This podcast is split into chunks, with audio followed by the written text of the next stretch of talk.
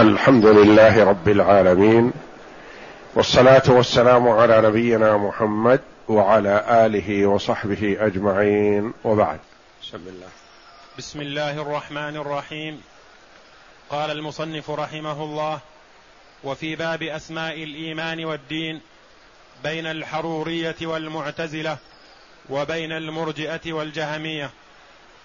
وفي أصحاب قول المؤلف رحمه الله تعالى وفي باب أسماء الإيمان والدين بين الحرورية والمعتزلة وبين الجهمية المرجئة والجهمية.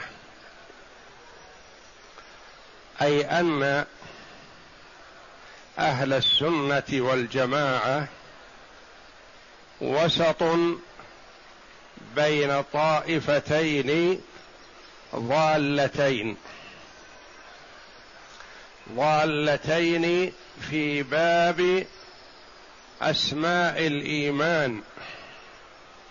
الإيمان والفسق والكفر والدين يعني المعاملة في الدنيا والآخرة بين طائفتين متطرفتين. الحرورية والمعتزلة من طرف وإن اختلفا في بعض الشيء. والمرجئة والجهمية طرف آخر. والجهمية يقال لهم مرجئة فهم جمعوا اوصافا ذميمة كثيرة.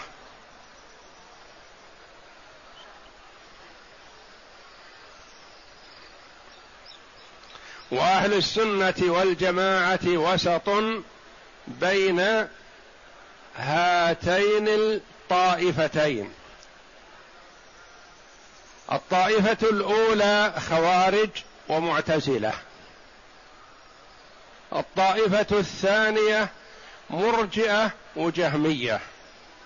وأهل السنة والجماعة وسط بينهما. لا مع هؤلاء ولا مع هؤلاء. لأن كل طائفة متطرفة.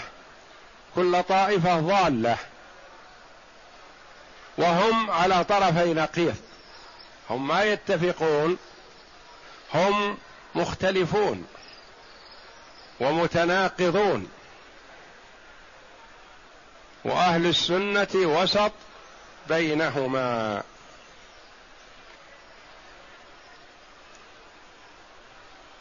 أسماء الإيمان المراد بأسماء الإيمان يعني مسلم كافر فاسق. طائفة تقول إذا أقر بقلبه أو بلسانه بالله فهو مؤمن الإيمان الكامل. مثل إيمان أصلح العباد. طيب وإن كان فاسق؟ قال وإن كان فاسق. وإن كان سارق زاني شارب الخمر قاطع رحم وغير ذلك من العيوب كلها فيه إيمان كامل ما دام يعرف الله. هذا ضلال.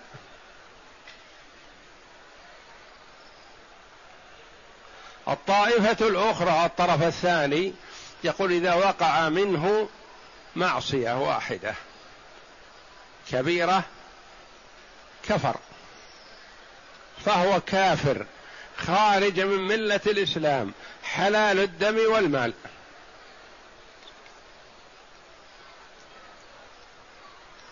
هذا التطرف. طائفة تقول هو كافر وطائفة تقول هو مؤمن كامل الإيمان.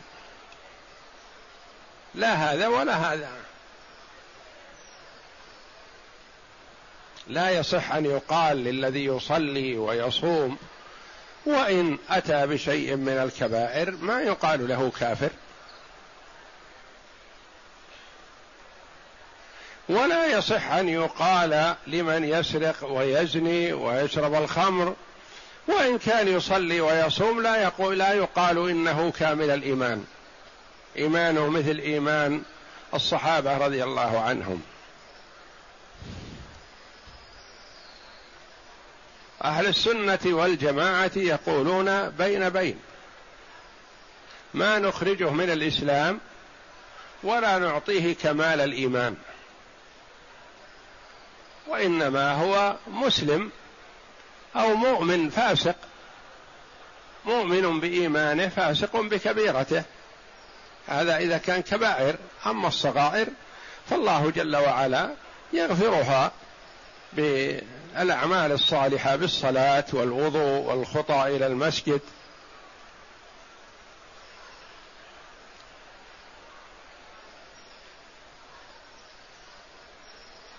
فالطائفة الأولى قلنا الخوارج والمعتزلة. وهم يتفقون في شيء ويختلفون في شيء. يختلفون في اسمه في الدنيا. الخوارج يقولون كافر حلال الدم والمال. والمعتزلة يقولون بين المنزلتين ما هو كافر؟ هو مؤمن؟ يقول لا ما هو مؤمن. مسلم؟ لا ما هو مسلم. ماذا يكون؟ يقول بالمنزلة بين المنزلتين. هذا اختلافهم. واختلاف جوهري لأن الخوارج يستحلون دمه وماله. ولهذا استحلوا قتال الصحابة رضي الله عنهم. وكفروا علي رضي الله عنه وأرضاه الذي شهد له النبي صلى الله عليه وسلم بالجنة. وكفروا عددا من المبشرين بالجنة من العشرة المبشرين بالجنة رضي الله عنهم.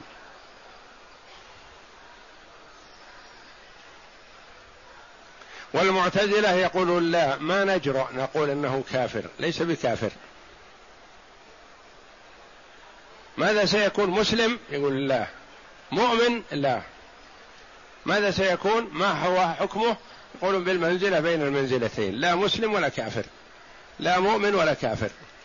هذا اختلافهم في الدنيا. إذا مات على كبيرته كلهم يقولون خالد مخلد في النار. مات. سارق ما تاب من السرقة ما تاب من الزنا ما تاب من شرب الخمر خالد مخلد في النار.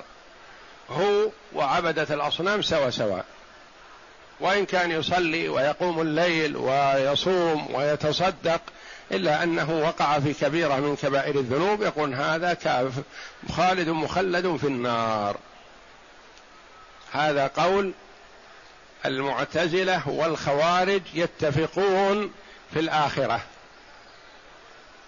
أنه خالد مخلد في النار. ويختلفون في الدنيا والمعتزلة يتناقضون. الخوارج حكموا عليه في الدنيا مثل حكمهم إياه في الآخرة وكله ضلال. لكنهم طردوا قاعدتهم قالوا هو كافر في الدنيا. في النار خالد في, الج... في الآخرة خالد مخلد في النار. وهذا ضلال. ولكن ما فيه شيء من التناقض. لكن المعتزلة عندهم تناقض. يقولون ليس بكافر ولا مسلم. ماذا سيكون؟ يقول المنزلة بين المنزل المنزلة بين المنزلتين. طيب مات بين أيدينا. نغسله؟ نصلي عليه؟ يقول نعم حاله في الدنيا حال المسلمين. نغسل ونصلي عليه. طيب نصلي عليه ماذا نقول في صلاتنا؟ اللهم اغفر له وارحمه وعافه واعف عنه واكرم نزله كيف نقول هذا وأنتم تقولون خالد مخلد في النار؟ أنتم تصلون عليه وتقولون اللهم اغفر له وارحمه وعافه واعف عنه وتقولون هو خالد مخلد في النار. هذا التناقض. يقول لأننا في الدنيا ما حكمنا بكفره.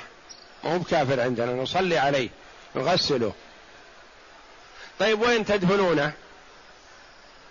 هو الآن على نظركم ما يصلح يدفن مع المسلمين ولا يصلح يدفن مع الكفار. هنا مقبرة بين المقبرتين بعد لأنه يقوم بالمنزلة بين المنزلتين لا مسلم ولا كافر لا يدفن مع المسلمين ولا يدفن لا يقولون بالدنيا يدفن مع المسلمين.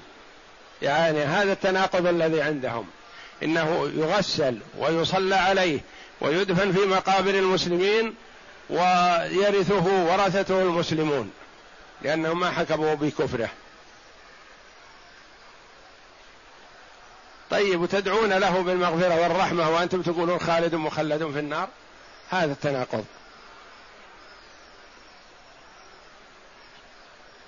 هذا كلام المعتزلة والخوارج.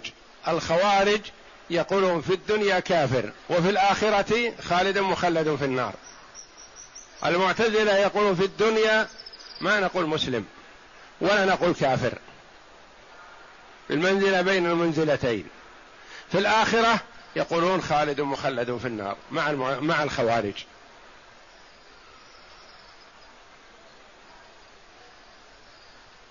الطرف الثاني المرجئة والجهمية.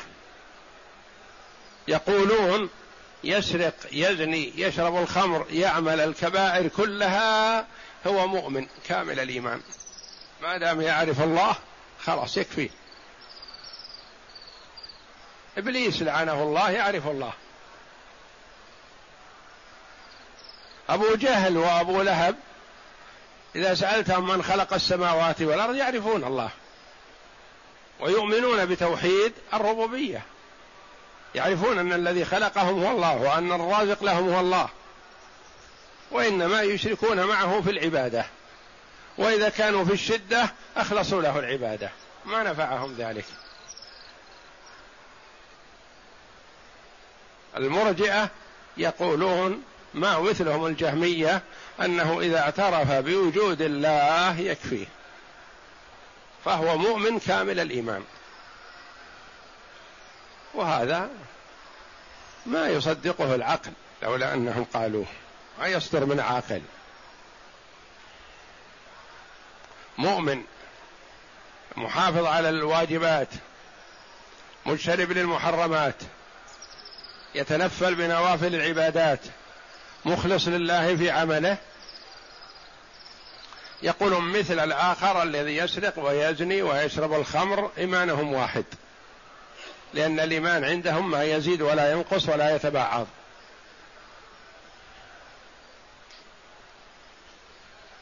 ولا يستحق شيء من العذاب في الآخرة لأنه مؤمن.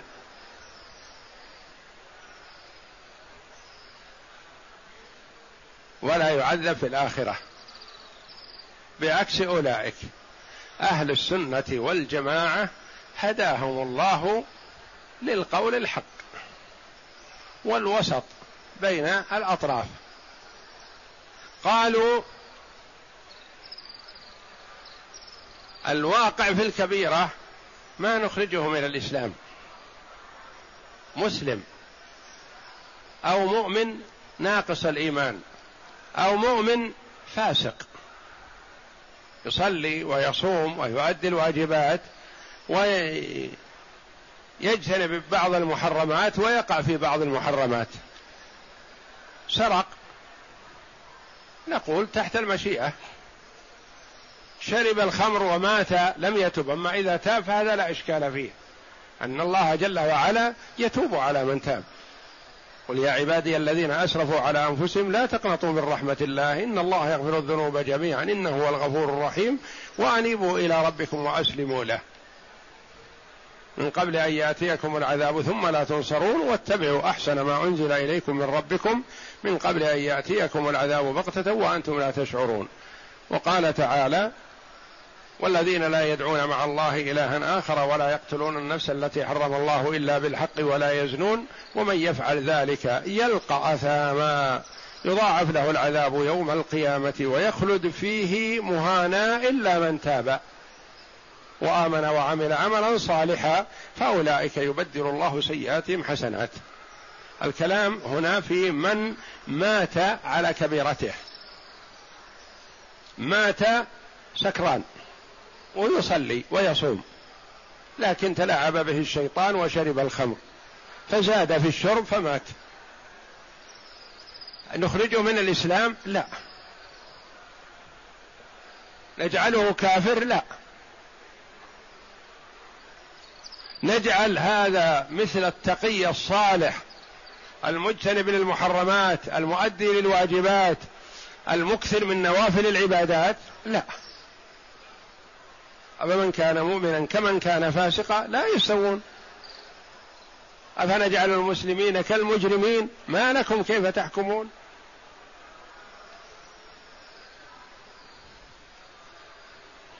فواقع في الكبيرة ما نخرجه من الإسلام. ولا نجعله كافرا ولا نقوله في المنزلة بين المنزلتين ولا نعطيه اسم الإيمان الكامل. يقول ناقص إيمانه.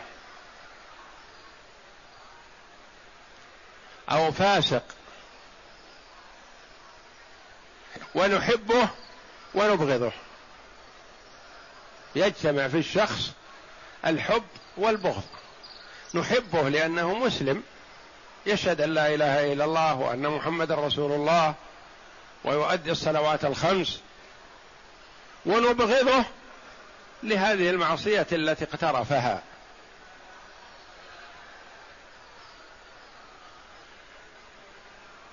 فحبنا إياه ليس كحبنا للرجل الصالح المستقيم. وبغضنا إياه ليس كبغضنا للكافر الفاجر. فهو محبوب من جهة مبغض من جهة. الكافر مبغض. المؤمن التقي محبوب. حبه قربة إلى الله جل وعلا. أوثق عرى الإيمان الحب في الله والبغض في الله. تبغض الكافر مودة ومحبة لله تبارك وتعالى. وتحب المؤمن تقربا إلى الله جل وعلا لأنه ولي الله وحبيب الله فأنت تحبه.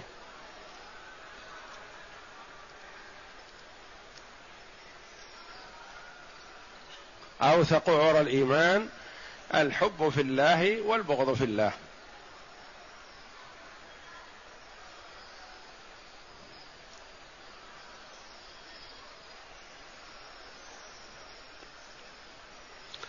صلينا على الشيخ أحمد ياسين رحمه الله والكثير منا ما يعرفه ولا بيننا وبينه أي معاملة أو اتصال أو نحو ذلك لكننا أحببناه في الله لأنه مجاهد في سبيل الله رحمه الله.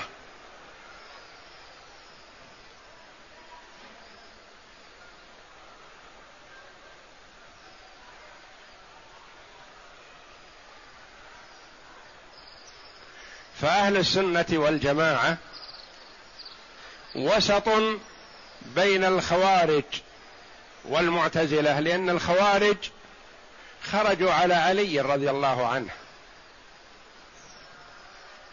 واجتمع منهم اثنى عشر ألف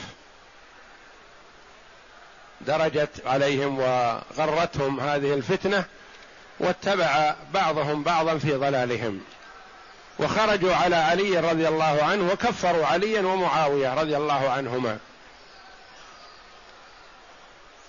فكانوا في جهة علي رضي الله عنه فأرسل إليهم عبد الله بن عباس رضي الله عنهما يناصحهم ويدعوهم ويحاجهم ويجادلهم. فرجع الكثير منهم لأن ابن عباس رضي الله عنه قوي الحجة. موفق في إيضاحه وبيانه. فرجع الكثير منهم وبقي القليل. يقال بقي منهم أربعة آلاف اثنى عشر ألف تراجع منهم ثمانية وبقي في حدود الأربعة استمروا على خروجهم فقاتلهم علي رضي الله عنه. وقد بين النبي صلى الله عليه وسلم أنه تخرج طائفة تمرق من الدين على حين فرقة من المسلمين. تقاتلهم أولى الطائفتين بالحق. فقاتلهم علي رضي الله عنه وأرضاه. سموا خوارج لأنهم خرجوا على الأئمة خرجوا على علي رضي الله عنه وكفروا علي ومعاوية وعددا من الصحابة. الذين خرجوا مع الذين في صف علي والذين في صف معاوية. كلهم كفروهم.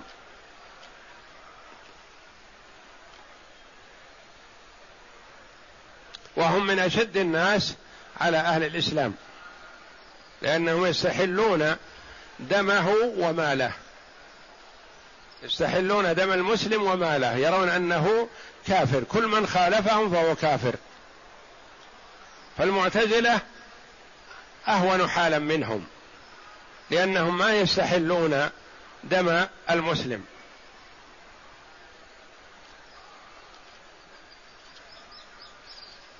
فهم يخرجونه من الإسلام لكن ما يدخلونه في الكفر فلا يستحلون دمه.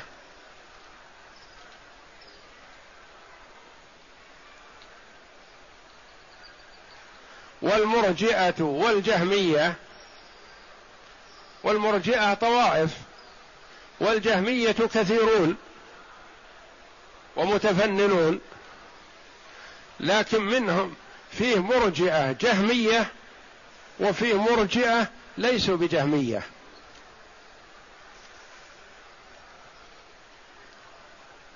والجهمي جمع والعياذ بالله اوصافا خبيثة شنيعة جدا في باب الأسماء والصفات وفي باب أسماء الدين. فجردوا الله جل وعلا من أسمائه الحسنى وصفاته العلى.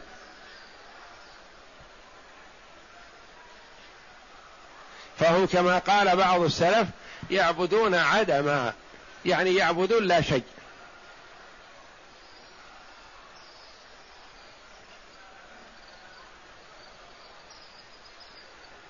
والخوارج سموا حرورية لأنهم خرجوا أول ما اجتمعوا في قرية في العراق تسمى حرورا. فسموا حرورية وسموا خوارج لخروجهم على الإيمان. ولأن النبي صلى الله عليه وسلم وصفهم بقوله بأنهم يمرقون من الدين كما يمرق السهم من الرمية. وهم مع هذا يصلون ويصومون ويتعبدون ويحيون الليل. وإذا رآهم المسلم أعجب بأعمالهم. وقال من ينال مثل هؤلاء؟ كما قال النبي صلى الله عليه وسلم يحقر أحدكم صلاته عند صلاته وصيامه عند صيامه. كانوا يصومون. كثير الصيام كثير الصلاة كثير تلاوة القرآن يتهجدون يقومون الليل عباد. لكن والعياذ بالله في هذه العقيدة الشنيعة كفروا المسلمين فخرجوا هم من الإسلام أخرجوا أنفسهم. لأن علي رضي الله عنه شهد له النبي صلى الله عليه وسلم بالجنة والزبير وطلحة رضي الله عنهم شهد لهم النبي صلى الله عليه وسلم بالجنة. مثل من شهد له النبي صلى الله عليه وسلم بالجنة ما يجوز لأي عاقل أن يكفره. لأن النبي صلى الله عليه وسلم ليس كسائر الناس يقول بناء على الظاهر ولا يدري عن الباطن. لأنه عليه الصلاة والسلام كما وصفه ربه جل وعلا وما ينطق عن الهوى إن هو إلا وحي يوحى. كلام الرسول عليه الصلاة والسلام هو الوحي الثاني وهو التشريع. فتكفير من شهد له النبي صلى الله عليه وسلم بالجنة تنقص للنبي صلى الله عليه وسلم وسب للنبي صلى الله عليه وسلم كأنه يقول أنت لا تدري يا محمد هذا كافر. الرسول شهد له بالجنة ويقول لا هذا كافر ما يدخل الجنة. هذا في النار. فكأنه يعارض النبي صلى الله عليه وسلم فيما يخبر به من أحكام.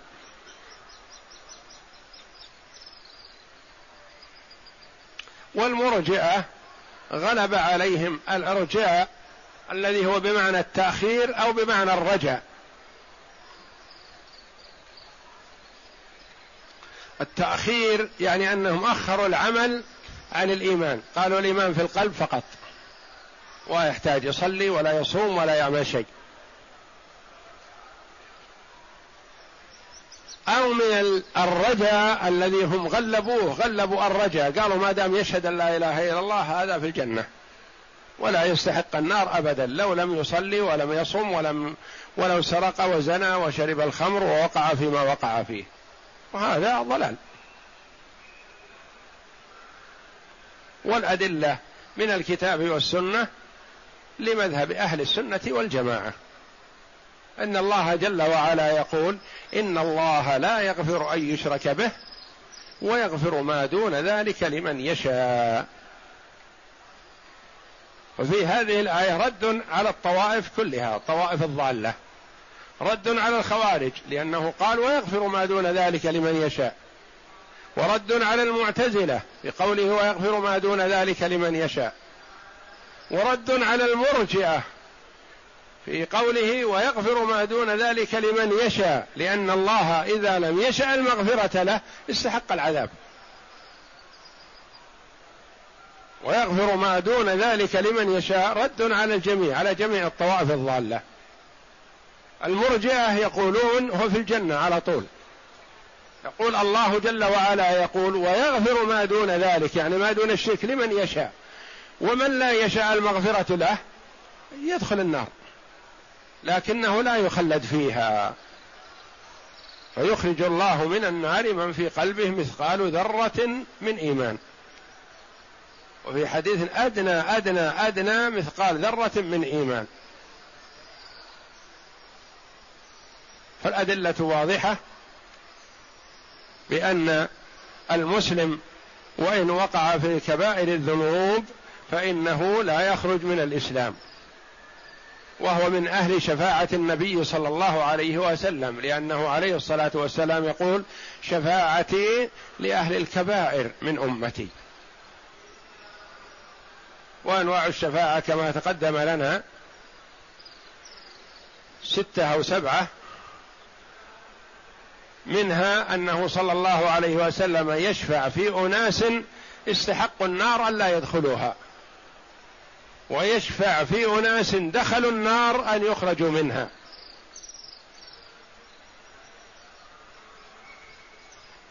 فالشفاعة لمن مات على التوحيد. وقد يكون ويكون المرء مات على التوحيد وهو مقترف للكبائر. فالرجل الذي جيء به عند النبي صلى الله عليه وسلم يشرب الخمر وأقام النبي عليه الصلاة والسلام عليه الحد شتمه بعض الصحابة قال ما أكثر ما يؤتى به وشتمه فقال النبي صلى الله عليه وسلم لا تقل هذا لقد علمته أو كما قال صلى الله عليه وسلم يحب الله ورسوله. وشارب للخمر والرسول عليه الصلاة والسلام شهد له أنه يحب الله ورسوله لكن تلاعب به الشيطان. فالمسلم وقع في شرب الخمر وقع في الزنا وقع في السرقة لا ييأس من رحمة الله. إن تاب في الدنيا فالله يتوب عليه بلا إشكال لأنه وعد من الله جل وعلا والله لا يخلف وعده. وإن لم يتب في الدنيا قال أهل السنة والجماعة تحت المشيئة. إيش معنى تحت المشيئة؟ يعني راجع إلى مشيئة الله ما لنا دخل فيه. إن شاء جل وعلا غفر له من أول وهلة. وإن شاء جل وعلا أدخله النار ثم يخرجه منها. وقد يقترف الاثنان الذنب سواء معا. واحد يشاء الله جل وعلا أن يغفر له فلا يدخله النار.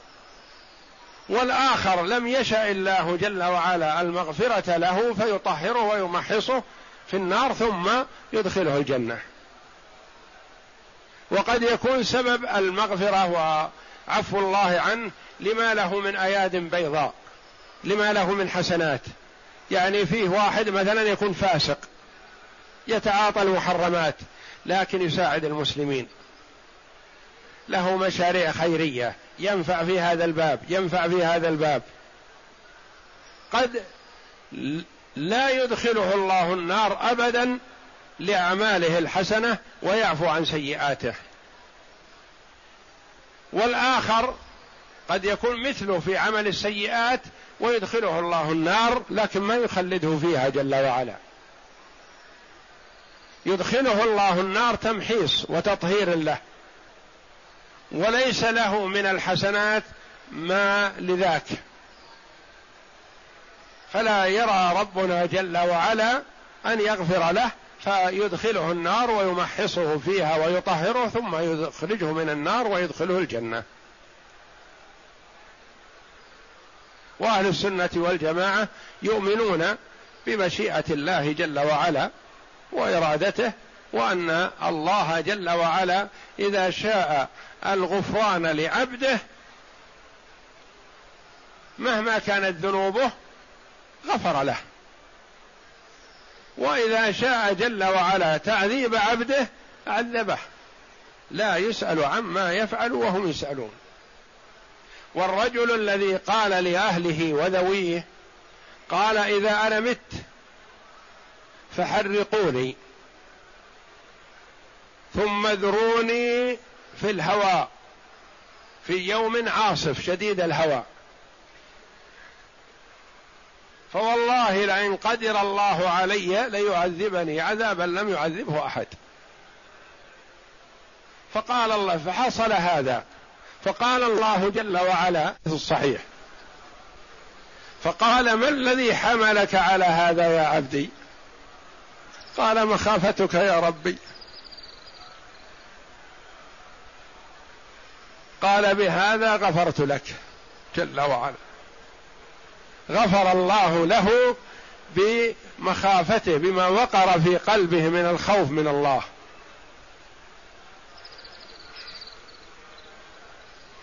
فقد يقترف المرء الكبيرة وتكون في حقه أسهل من الصغيرة. وقد يقترف العبد الصغيرة فتكون في حقه أعظم من كبيره من كبائر الذنوب. لأن مقترف الكبيرة أحيانا يكون خائف من ربه. وجل. عنده خوف ورعب وخوف من العقوبة. فتضمحل هذه الكبيرة في حقه وتكون بمثابة صغيرة من صغائر الذنوب.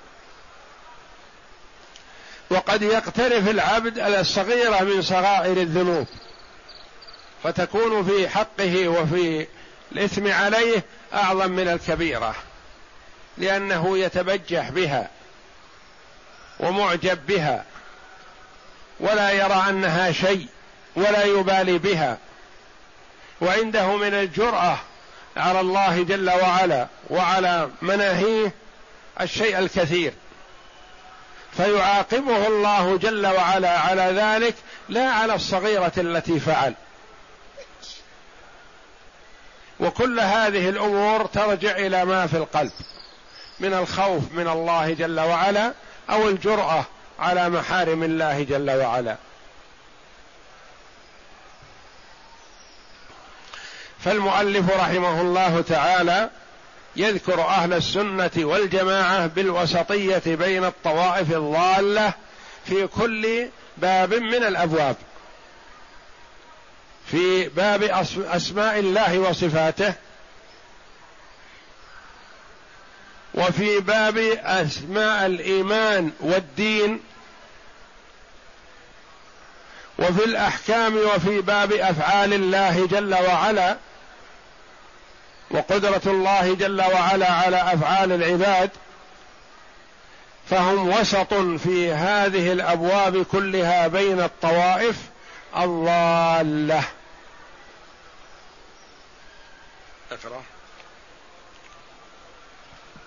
قوله وفي باب أسماء الإيمان وفي باب أسماء الإيمان إلى آخره كانت مسألة الإيمان والأحكام من أول ما وقع فيه النزاع في الإسلام. من أول ما وقع فيه النزاع في الإسلام لأنها وقعت في زمن الصحابة رضي الله عنهم في خلافة عثمان رضي الله عنه. لما تجرأوا على عثمان وقتلوه في داره يتلو القرآن رضي الله عنه وأرضاه صائما يتلو كتاب الله.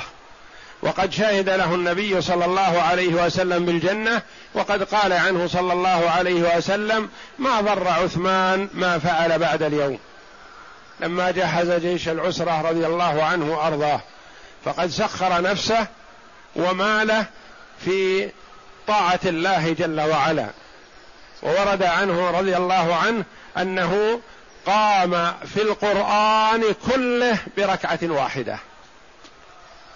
وهو من العش من الأعداد القليلة الذين حفظوا القرآن في حياة النبي صلى الله عليه وسلم. حفظ القرآن كله في حياة النبي صلى الله عليه وسلم. وورد أنه دخل الحجر بعد صلاة العشاء. يقول أحد التابعين دخل الحجره رجل مقنع يعني ما يحب أن يعرف. فما رأيته يسجد إلا بسجدات التلاوة. يقرأ صلي. فأوتر بالقرآن كله في ركعة. من أول الليل يقول حتى قرب الفجر فلما انصرف تبين لي أنه عثمان رضي الله عنه. قرأ القرآن كله في ركعة لأنه حافظ له. وشهد له النبي صلى الله عليه وسلم بالجنة. وما تزوج رجل في أول الدنيا ولا آخرها ببنتي نبي سواه رضي الله عنه. ولهذا يلقب رضي الله عنه بذي النورين لأنه تزوج بنتي نبي رقية وأم كلثوم. ولما ماتت الأخرى قال النبي صلى الله عليه وسلم لو كان لنا ثالثة لزوجناكها.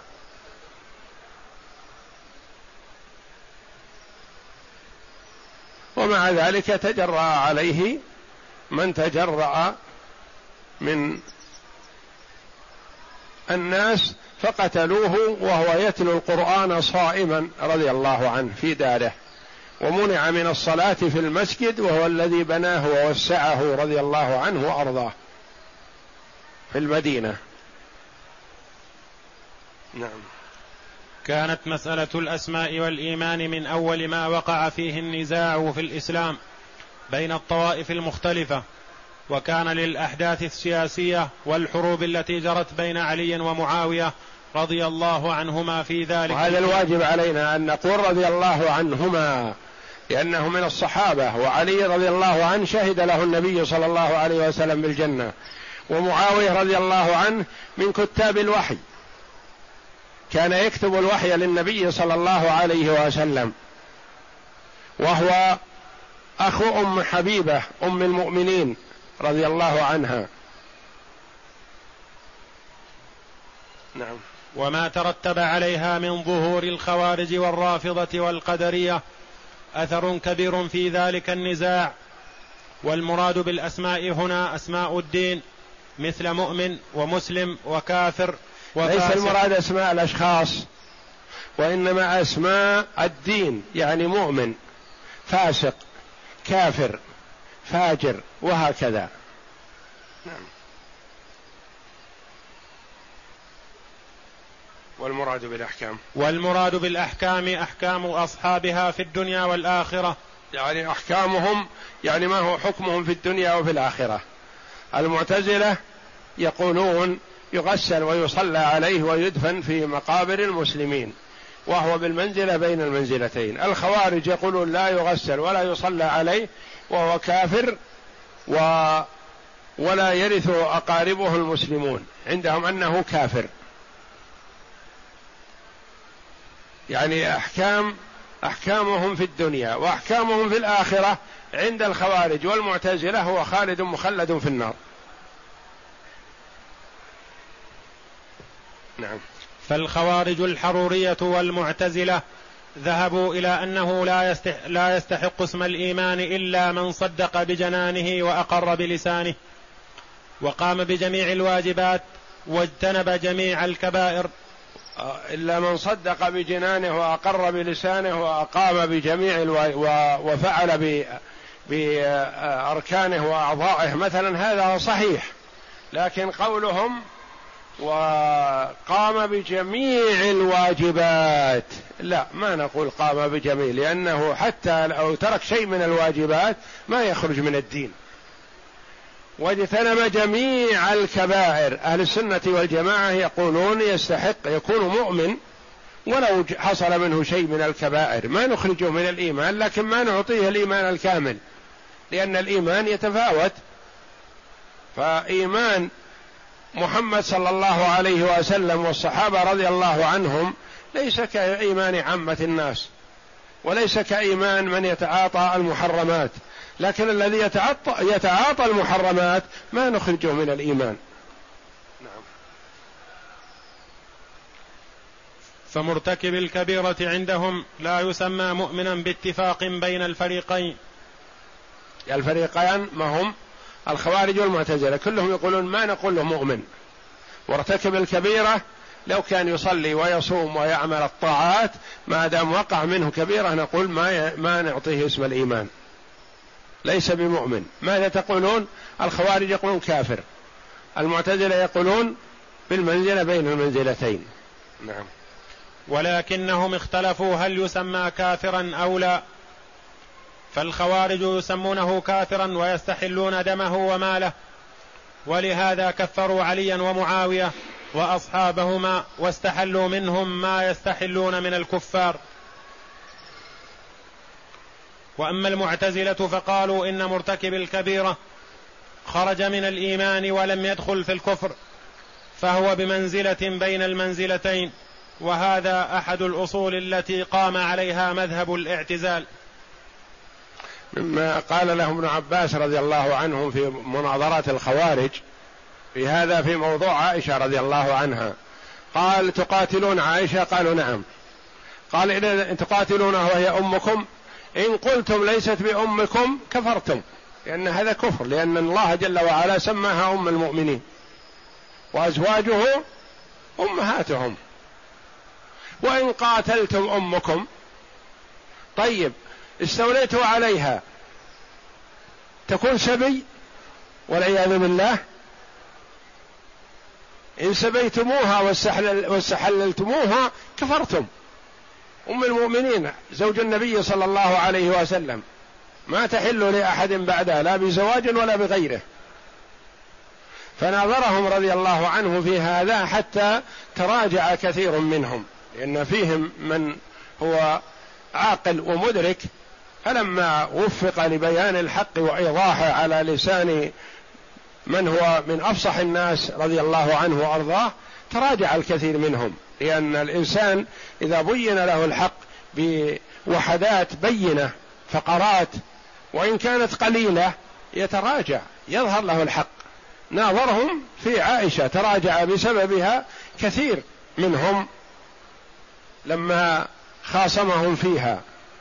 على ما تقول تقتلونها؟